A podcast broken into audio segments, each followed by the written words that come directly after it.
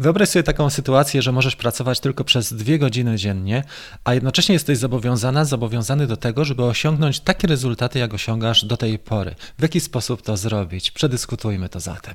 Witam Cię bardzo serdecznie, nazywam się Rafał Galiński. Od trzech lat na cały etat, mogę powiedzieć, prowadzę biznes online w oparciu o YouTube'a, w oparciu o pasję i w branży hobby. Nie jest to B2B, a mimo wszystko jestem w stanie z tego utrzymać się i utrzymać całą swoją rodzinę i rozwijać się e, przez cały czas. Dzięki temu też tworzę te audycje dla Ciebie. I w tym cyklu audycji dzielę się swoimi doświadczeniami, najlepszymi praktykami, które pomogą Ci, czy ułatwią Ci to przejście w świat online online, w świat biznesu online i zarabiania na swojej pasji właśnie.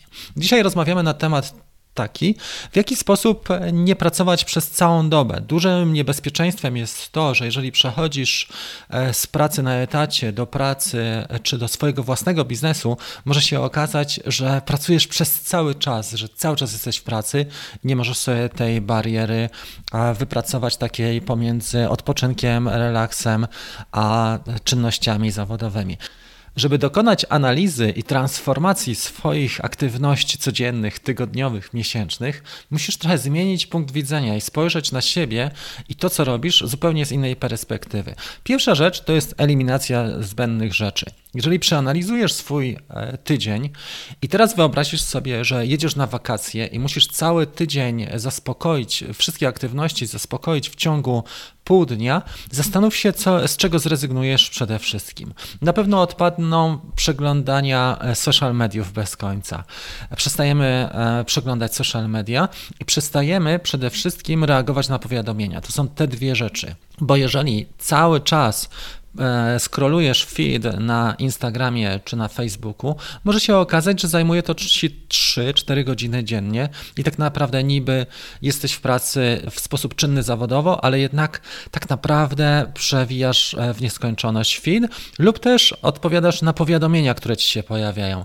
Na bieżący temat e, mailowy, czy nowe publikacje, czy nowe subskrypcje, wszystko to, na co zapisałeś, zapisałaś się wcześniej. Więc, żeby zaoszczędzić ten czas, co może się wiązać naprawdę z 3-4 godzinami dziennie, e, przede wszystkim wyłączamy powiadomienia w telefonie. Druga sprawa, jeżeli pracujemy, e, wyłączamy sobie telefon, czy przychodzi on e, na stan czuwania. Trzecia rzecz, bardzo ważna, sprawdzamy skrzynkę mailową tylko raz, dwa razy dziennie góra, to wszystko. Nie mamy jej otwartej non-stop i nie reagujemy bezpośrednio na wszystkie bodźce i blokujemy sobie następnie nasze zadania, czyli zadania zadania robimy w blokach. Tak jak nagrywam na przykład ten content, to nagrywam od razu drugi i trzeci odcinek, żeby mieć e, to przygotowanie, żeby ta, to zarządzanie czasem było efektywne, bo muszę nastawić lampę, aparat, naładować, kartę pamięci, przenieść do komputera i tak dalej. Więc można to zrobić jednorazowo i zaspokoić przynajmniej dwa, trzy odcinki. To jest jedna rzecz. Kolejna rzecz, e, bardzo ważna i właściwie która powinna być na początku, to jest analiza Twojej e, efektywności, czyli e, jakie aktywności, jaką korzyść Ci dają. To jest właściwie podstawowy krok. Ja o tym mówię teraz dopiero jako drugi, bo wyeliminowaliśmy te rzeczy, które e, nam przeszkadzają. Zamiast przeglądania social mediów i odpowiadania na maile na bieżąco, możesz dokonać sobie analizy. Na przykład, co u mnie działa, co u mnie nie działa, co mnie przynosi klientów potencjalnych, co mnie nigdy się nie sprawdziło do tej pory, jak robią to inni, jakie tematy u innych, na przykład u mojej konkurencji, wypalają, w czym są dobrzy, w, w czym im nie idzie. I dzięki temu zyskasz całą gamę tych czynności, które warto wyeliminować i też tę, gdzie warto się skupić, na, na, gdzie akcent należy e, na pewno przenieść. Co jest najważniejsze? Kontakty z Twoimi klientami.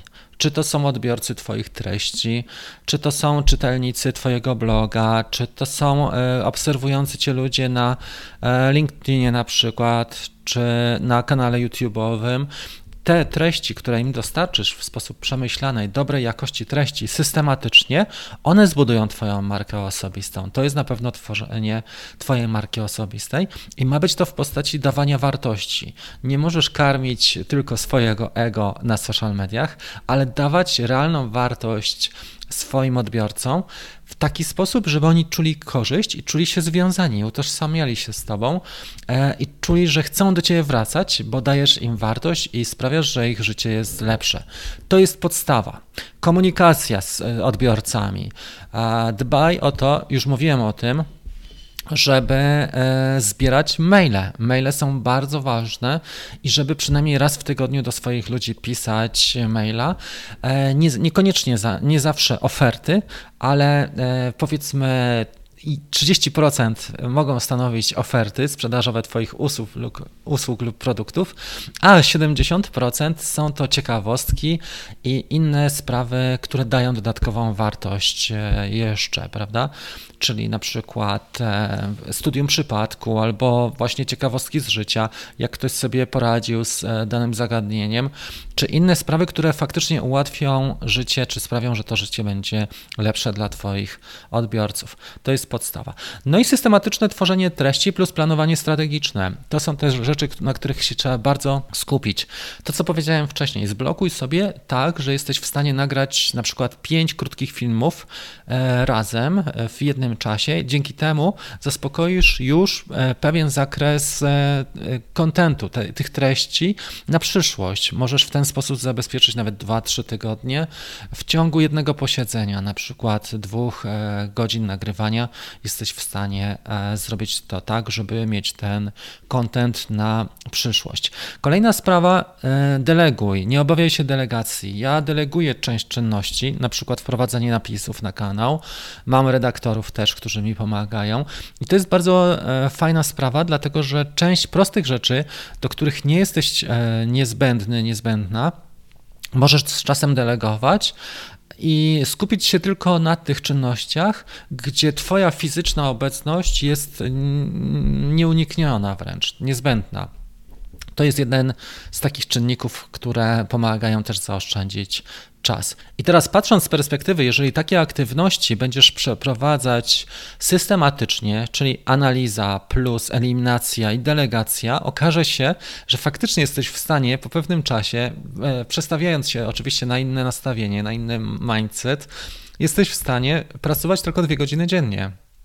I ten mit o zasuwaniu od rana do wieczora e, i o harówce i o tym, że człowiek jest cały czas zajęty, on padnie e, systematycznie. Nie stworzysz tego od razu, nie, nie osiągniesz tego od razu, ale z czasem e, na pewno tak, za co trzymam kciuki.